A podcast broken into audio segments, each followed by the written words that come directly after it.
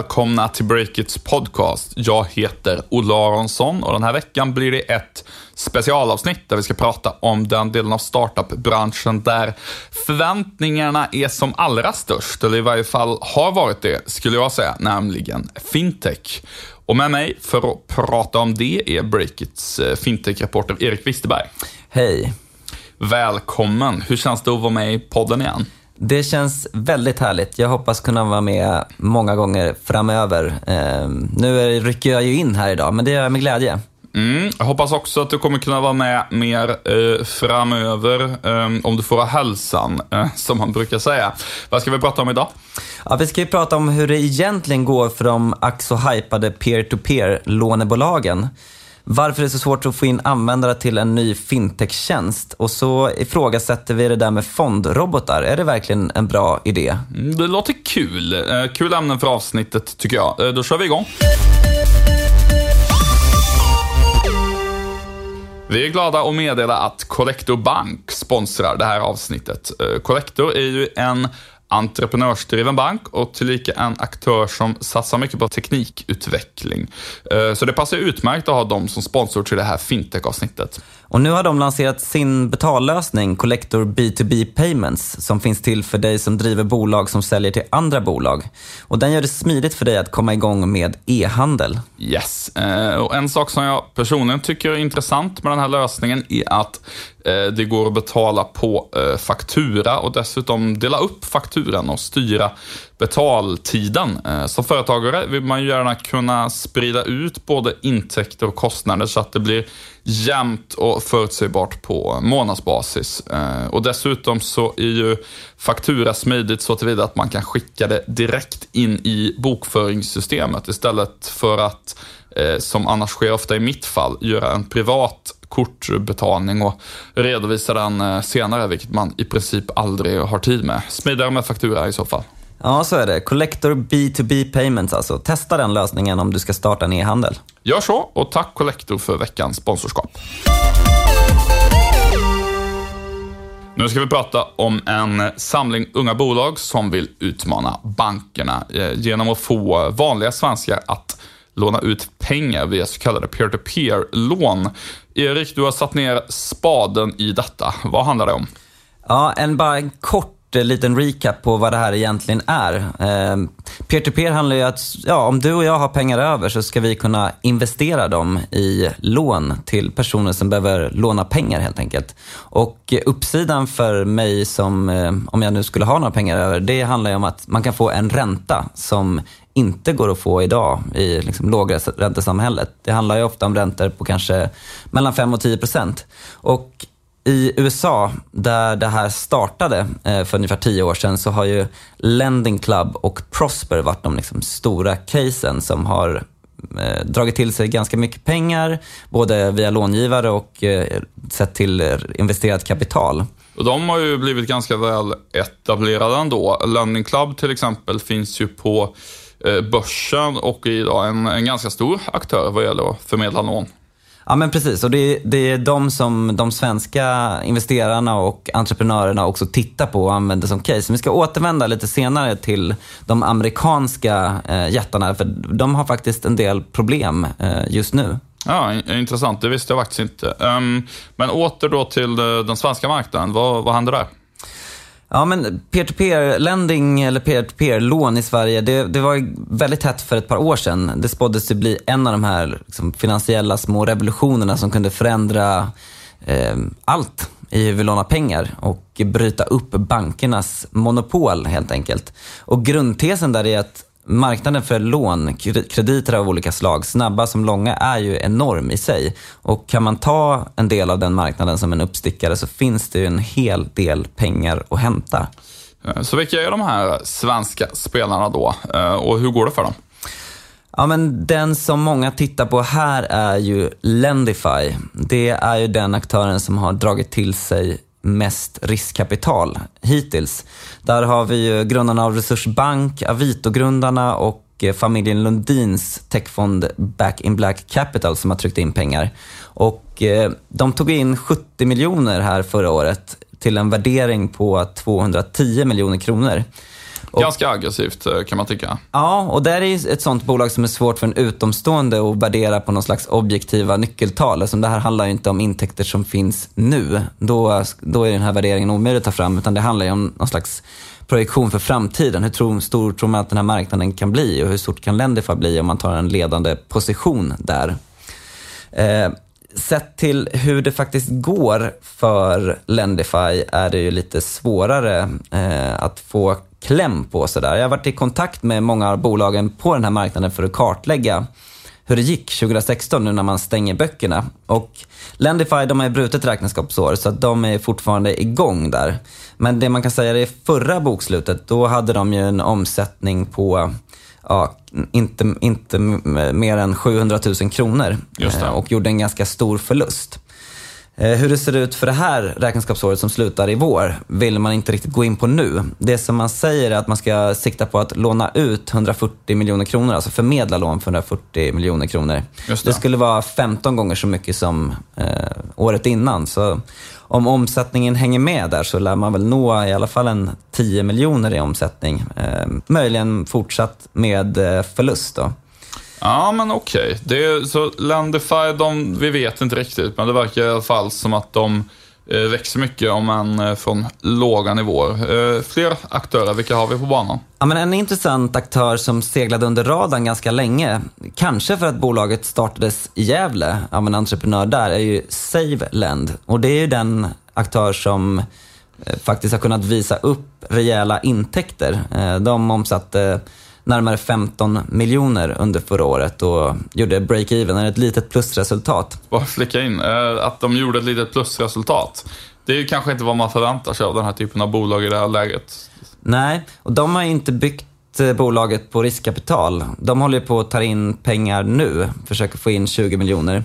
Men eh, det finns en liten grej som man ska känna till där om Savens intäkter och det är att deras lånestock är uppbyggd av snabblån. Alltså peer-to-peer-versionen av sms-lån skulle man lite elakt kunna kalla det. det. Eh, så lån med löptid på 14 dagar med mindre summor och det är en, en förkrossande andel av deras lånestock som, som ligger där i. Det som är intressant med Saveland nu är ju att de är ute och söker kapital som jag sa. De siktar på en värdering på 150 miljoner kronor eh, enligt grundaren. Och eh, för att motivera det så håller de på att försöka bredda Saveland till något Eh, mycket större än bara det här som vi pratade om i början, att jag ska låna ut mina pengar till en annan privatperson. De bryter ut den här vanliga privatlånedelen till något som de kallar för LoanStep. Sen utmanar de på företagsmarknaden med eh, ett annat varumärke, Credstep. Och det som ska vara Saveland, det blir en investeringsplattform där de tänker eh, att eh, man kan investera i alla typer av krediter. Det kan handla om fakturaköp, det kan handla om lån från andra aktörer, till och med kanske att de tar över vissa delar av bankers lånestock. Ehm, och motivet där för bankerna skulle kunna vara att de har vissa delar av lånestocken som de behöver få ner risken i och så vidare. Ehm, då kan eh, Sailand gå in och, och samarbeta med dem för att ta över den men jag är lite nyfiken där på hur kommer det sig att de väljer att, att bredda eh, verksamheten? Har någon särskild anledning? Är det bara att de ser större potential eller vad handlar det om? En bra fråga. Deras analys är ju att det är svårt att nå någon slags eh, kritisk massa och lönsamhet bara på peer-to-peer lånekrediter. Det är en marknad som inte riktigt har tagit fart kanske, som evangelisterna liksom förutsade för ett par år sedan.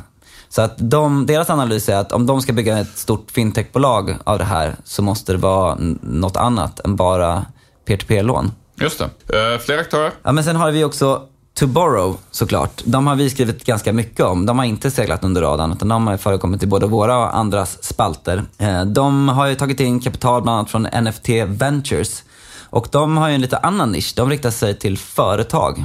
Och det vet ju de flesta att företag har ganska svårt, eh, i alla fall mindre företag eller sådana som har en oprövad modell, så har svårt att få in eh, lån. Så att via deras sajt så kan ju företag presentera sig och säga vad de vill ha pengar till, visa upp en massa nyckeltal och sen är det upp till mig om jag vågar placera mina pengar där i och hoppas på en, en bra ränta på det helt enkelt. Mm.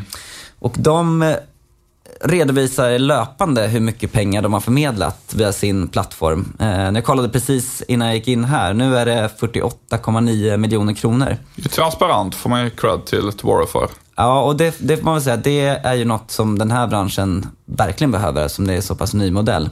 Men om man tar den siffran och sätter den i perspektiv så var det, för ett år sedan så var den här siffran 20 miljoner kronor ungefär. Så det är ingen rakettillväxt där, eh, får man nog ändå lov att säga.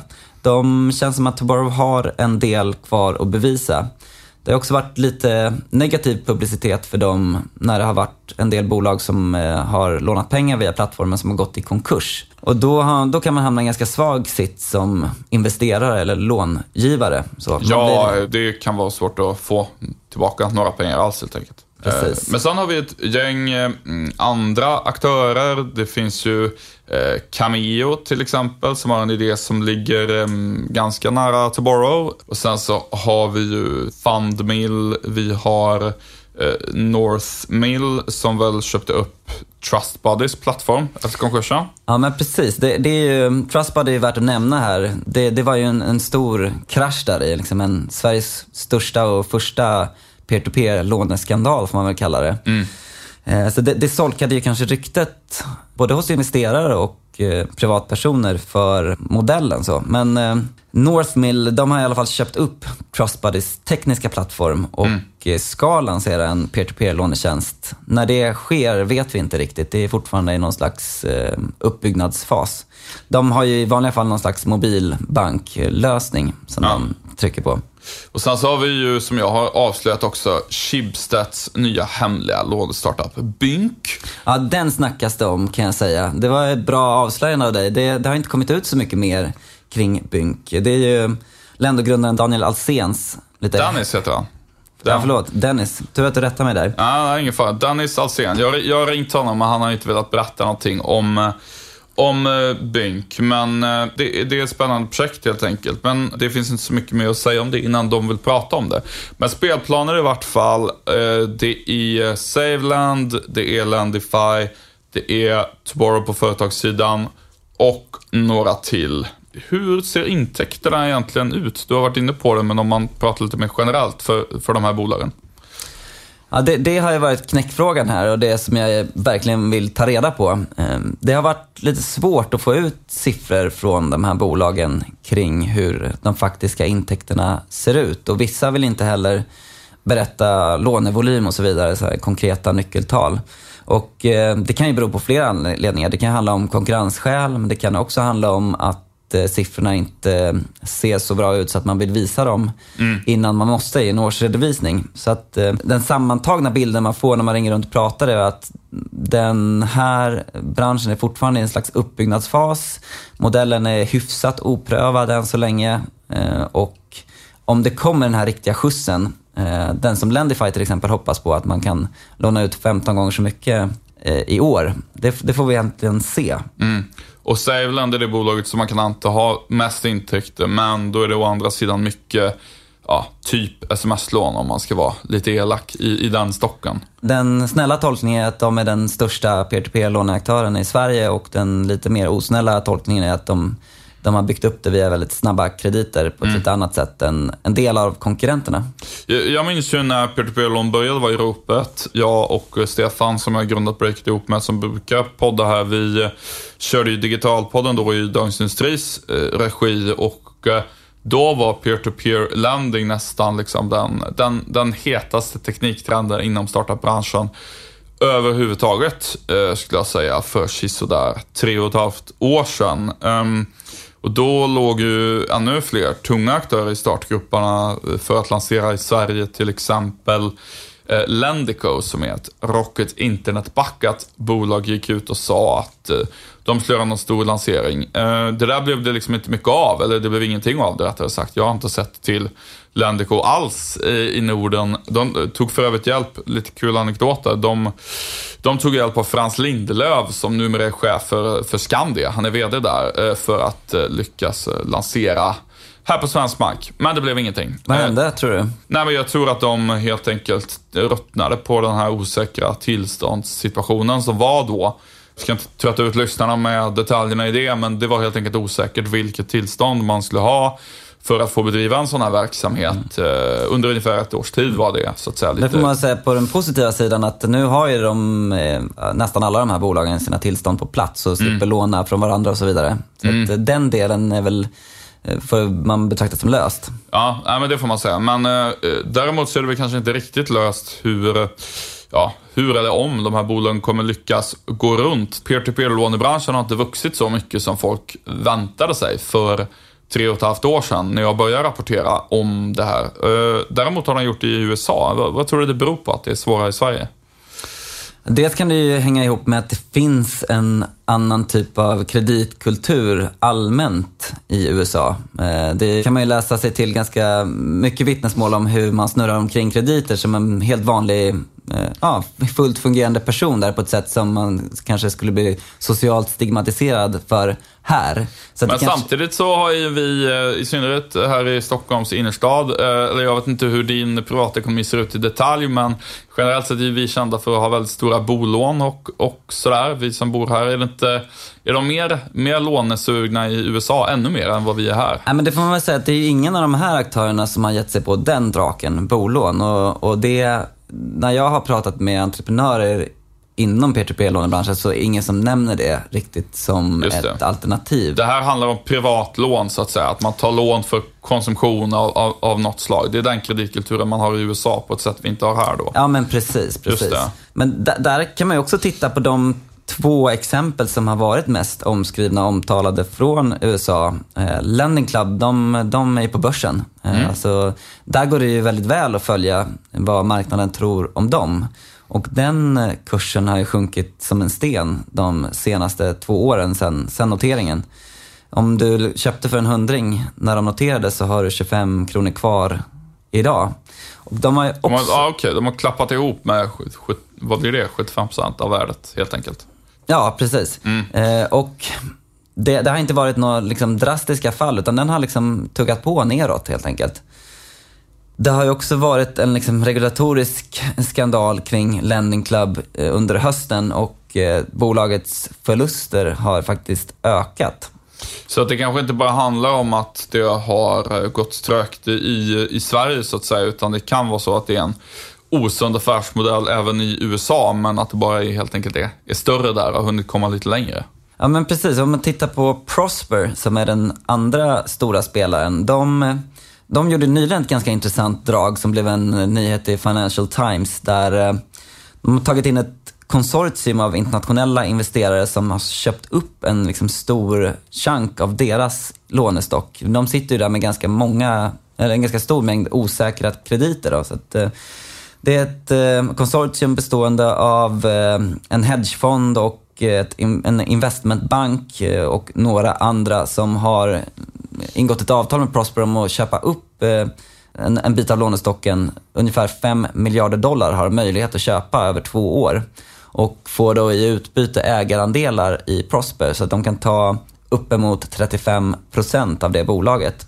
Det. Så att, eh, det är en Man kan säga att de, det låter lite som att de har bytt affärsmodell egentligen. Det blev inte så, det blev inte så mycket mer där med peer-to-peer lån. Det blev peer till jättestor finansiell institution istället. Ja, men precis. Och där, där finns det ju... Peer-to-peer-lånebolagen har ju två, ett, lite, lite av ett tvåfrontskrig. De måste få in dels personer som är sugna på att låna ut pengar och sen måste de håva in kunder som i vanliga fall är vana att vända sig till andra bolag för att ta de här lånen. Mm. Men eh, nu har vi pratat mycket om problemen där. Eh, jag tror ju ändå att alltså, själva positionen att vara någon slags mellanhand i fördelningen av pengar kommer ju vara lukrativ för den som liksom, lyckas. Och, eh, det kan ju vara så att det finns plats i Sverige för några av de här aktörerna. Eh, däremot kanske inte alla.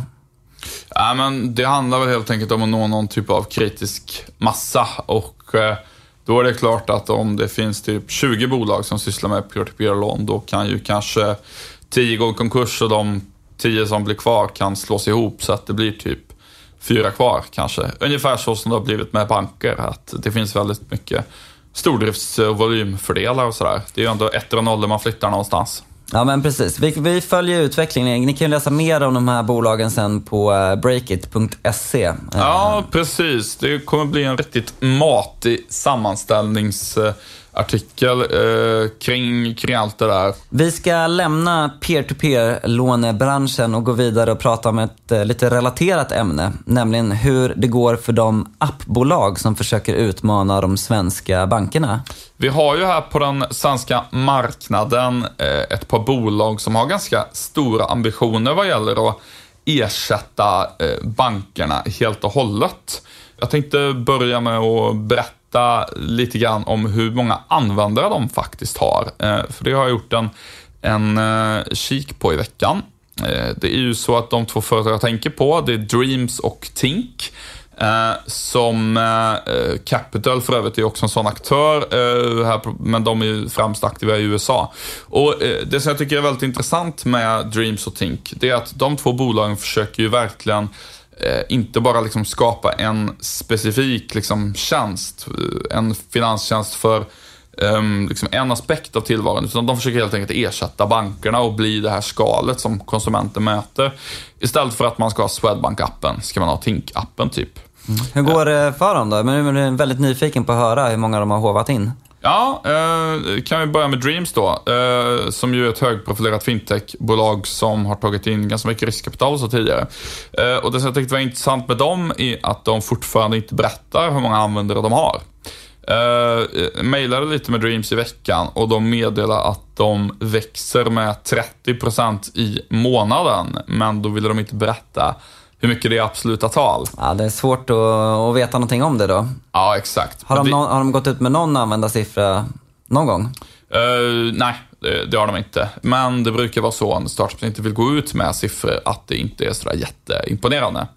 Um, och det är väl lite symptomatiskt för fintechbolag det där med att det kan vara ganska svårt att ragga in eh, mycket nya användare till en tjänst. Eh, den andra aktören som har en lite liknande ambition är ju Tink.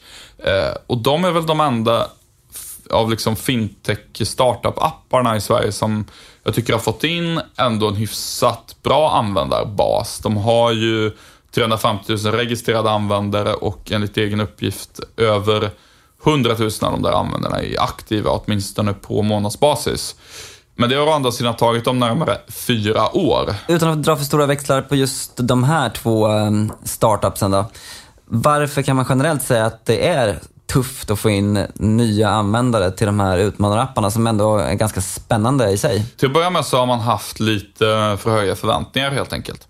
Från början så trodde man att eh, bankernas modell föråldrad och att människor själva liksom skulle förstå att det är bättre för dem att byta till någon fintech-app som är mer användarvänlig och som har en affärsmodell som är lite mer modern. Um, men där tror jag man lite grann har överskattat människors förändringsvilja. Uh, det här är liksom ett ganska tråkigt ämne. Folk orkar inte ta tag i det och kanske fattar inte skillnaden mellan en tjänst och en annan. Så det är det ena, att man har nog haft lite för höga förväntningar på människors förändringsvilja. Eh, sen så skulle jag säga att det är ganska svårt för de här företagen med det som kallas för retention, alltså hur ofta man kan få någon att komma tillbaka till en app. Eh, ett typiskt exempel på en tjänst som har väldigt bra retention är Instagram, som har eh, lyckats skapa en drift där människor vill gå in i appen flera gånger per dag för att se om någon av deras kompisar har lagt upp en ny bild. För ett fintechbolag är liksom inte det där lika självklart. Hur ofta går du egentligen in och kollar ditt saldo? Hur ofta går du egentligen in och gör en översyn över privatekonomin? Eh, ganska många människor kanske har laddat ner en fintech-app, men man går in på den där ja, en gång i månaden, en gång varannan månad och liksom kollar lite grann.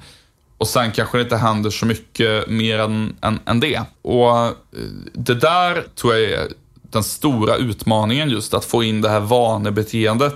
För att de flesta människor mest liksom ser det som någonting, ja, lite tråkigt och jobbigt att hålla på med ekonomin. Just det, där väl, Dreams har försökt att, att göra det till deras fönster mot användarna, är väl den här liksom, spara till din dröm och man kan liksom komma tillbaka ofta Medan man försöker bygga en tjänst där bakom någonstans som, som handlar mer om pengar generellt. Exakt, eh, och det tycker jag är en jättebra ambition. Att man försöker bygga, göra det här skalet mycket mer roligare och tilltalande.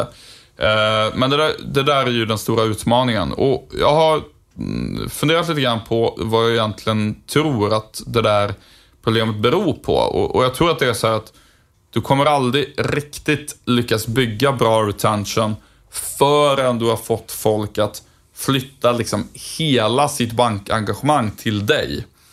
Eh, och där ser man ju Tink-grundarna som väl är nästan de i Sverige som har mest erfarenhet av att försöka bygga nästa generations bankapp. De har ju hållit på eh, längre än de flesta andra. Eh, och då ser man ju att det de vill göra, det är att bygga, och det har de gjort nu också. De vill driva in användare till sin kompletta banktjänst. Och det är precis det jag tror man behöver göra. För att de flesta människor vill liksom inte ha både den vanliga bankappen och sen någon finansapp till.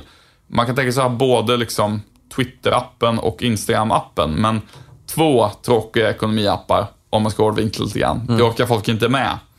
Eh, och därför behöver man faktiskt få folk att flytta hela bankengagemanget in till dig och det är en väldigt trög process. Och därför så krävs det ganska mycket, mm, mycket uthållighet, eh, skulle jag säga.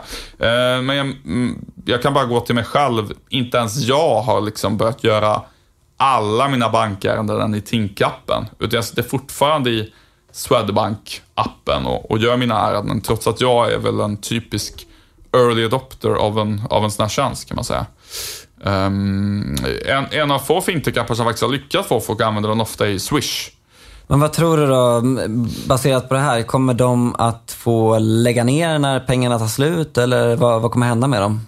Nej, men jag, jag, tror att de här aktörerna kommer klara sig. Några kanske blir uppköpta av en bank eller så. Eh, generellt sett, så oavsett liksom om det är Tink eller Capital eller något annat bolag som så att säga eh, går vinnande ur striden till slut, så tänker jag att eh, Eh, det finns väldigt starka drivkrafter i grunden som, som gör att den här typen av tjänster kommer att bli det vi använder i mycket högre grad i framtiden. Eh, och vi kommer att mm, ha ett enda skal som är vår bankapp och det kan mycket väl vara ja, Tinks app eller någonting sånt. Och orsaken till att jag ändå tror att vi kommer att flytta över och bli helkunder där, det är att eh, folk har massa pengar att tjäna på det att eh, de här 92 miljarderna i vinst som storbankerna gjorde eh, förra året, det kommer att krympa och det kommer vara så att nya tjänster eh, helt enkelt hjälper konsumenter att fatta beslut som finansiellt är mycket bättre för dem. Mm. Och ehm, det, det, tror jag man mycket enklare gör via en app av det slaget. Så det finns så mycket pengar att tjäna på att börja använda nya fintech-appar och tjänster att Förr eller senare kommer vi göra det. Men det är en långsam process och jag på ett plan beundrar jag de som orkar driva de här bolagen och försöka förändra eh, vårt eh, konsumentbeteende. Är det något som vi eh, till mans älskar och hatar så är det väl också just våra storbanker. Det, det blir rubriker varje år, som du nämner, att de hovar in sina stora vinster. Och mm. Tänker rent emotionellt så borde det också finnas ett instrument för folk att vilja komma ur. Ja, ja verkligen. Alltså, och någonstans rent finansiellt kan man ju säga att tar de där 92 miljarderna, fintechbolagen snor 10 av dem, eh, ger 9 tillbaka till konsumenterna genom lägre avgifter av olika slag. Då har du fortfarande en miljard kvar i, eh, i eh, omsättning som du kan ja, ha trevligt med i ditt bolag så att säga. Så att, eh, det finns mycket att ta av.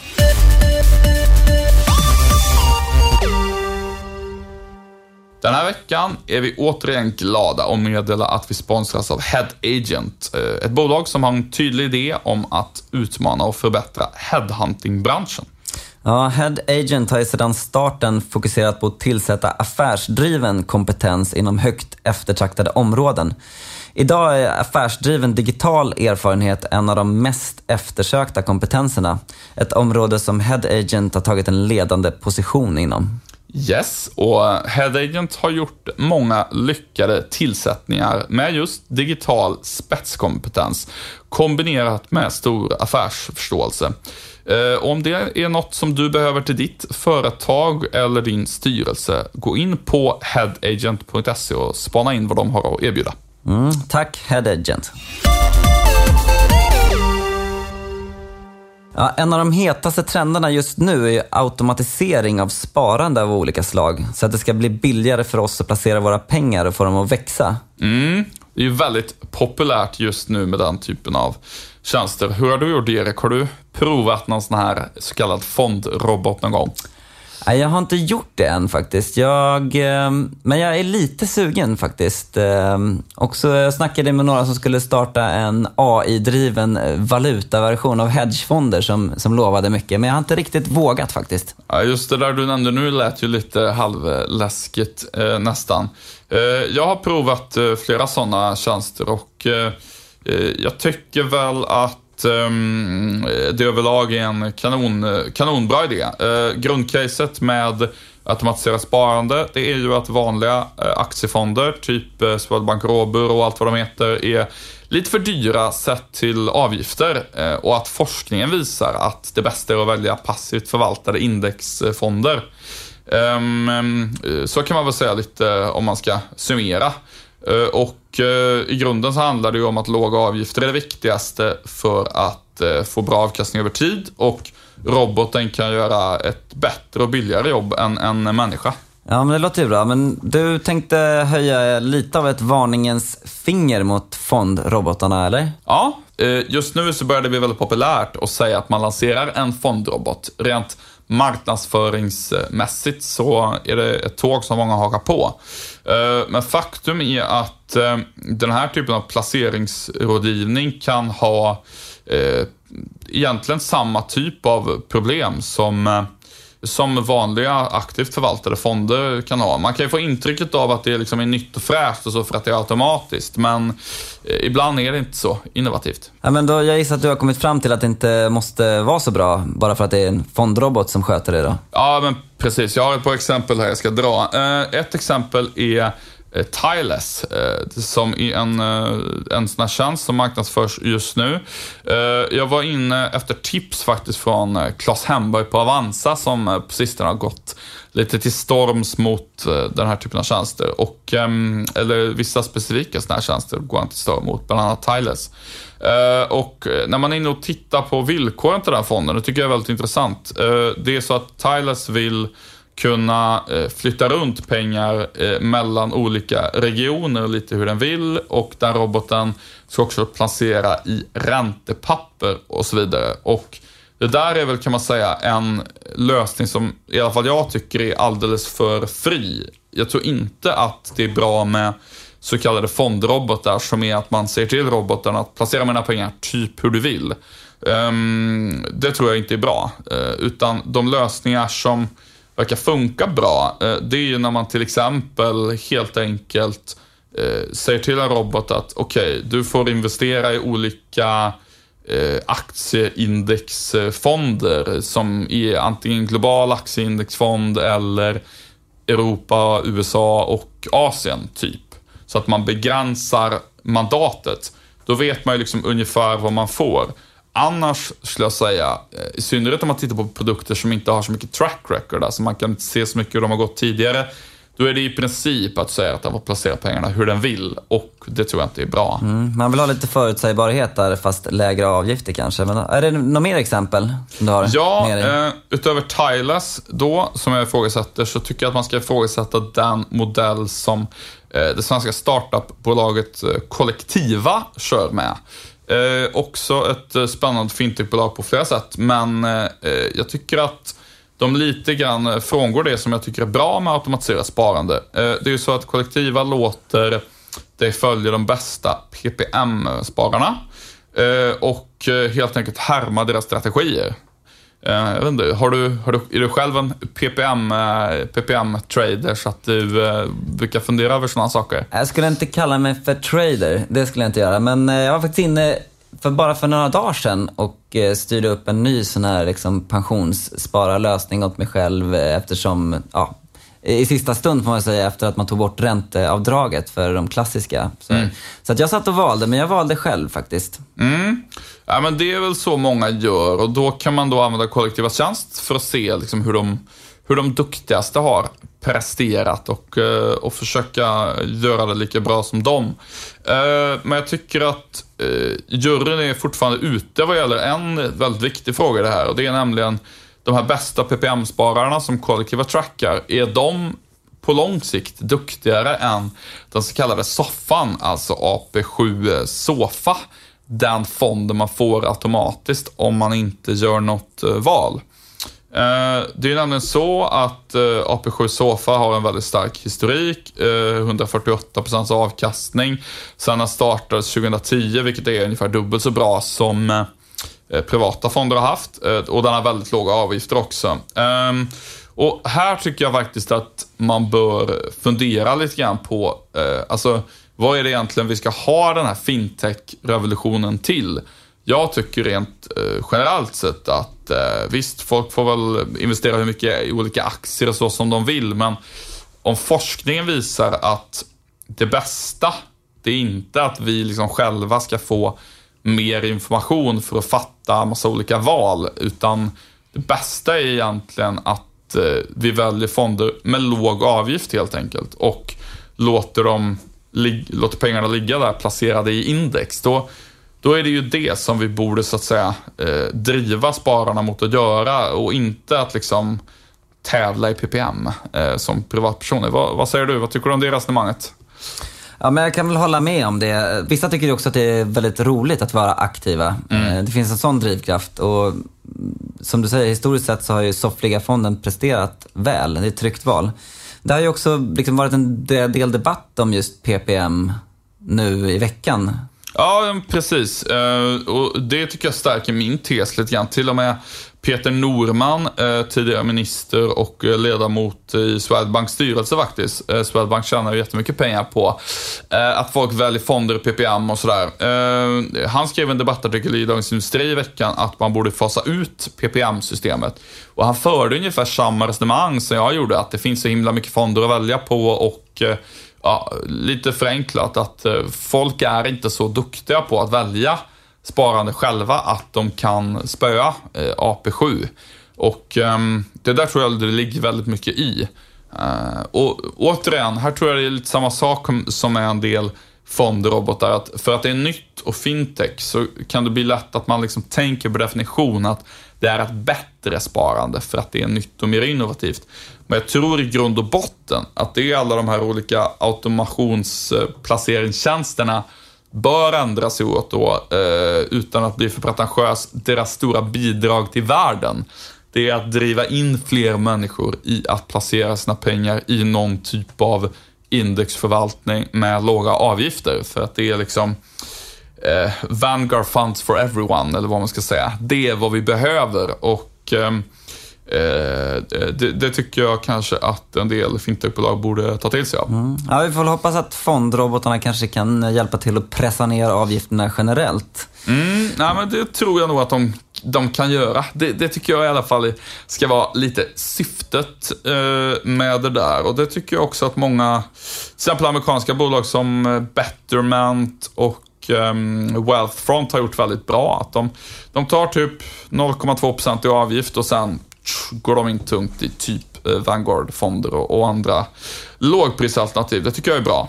Det börjar bli dags att runda av det här specialavsnittet. Vi ska tacka Beppo ljudproduktion som klippte det här avsnittet. Yes, eh, ta hand om er så hörs vi igen om eh, ja, ett par veckor för min del. Jag ska vara i Kina så jag missar podden nästa gång. Men ta hand om er så hörs vi snart. Hej då! Hej då!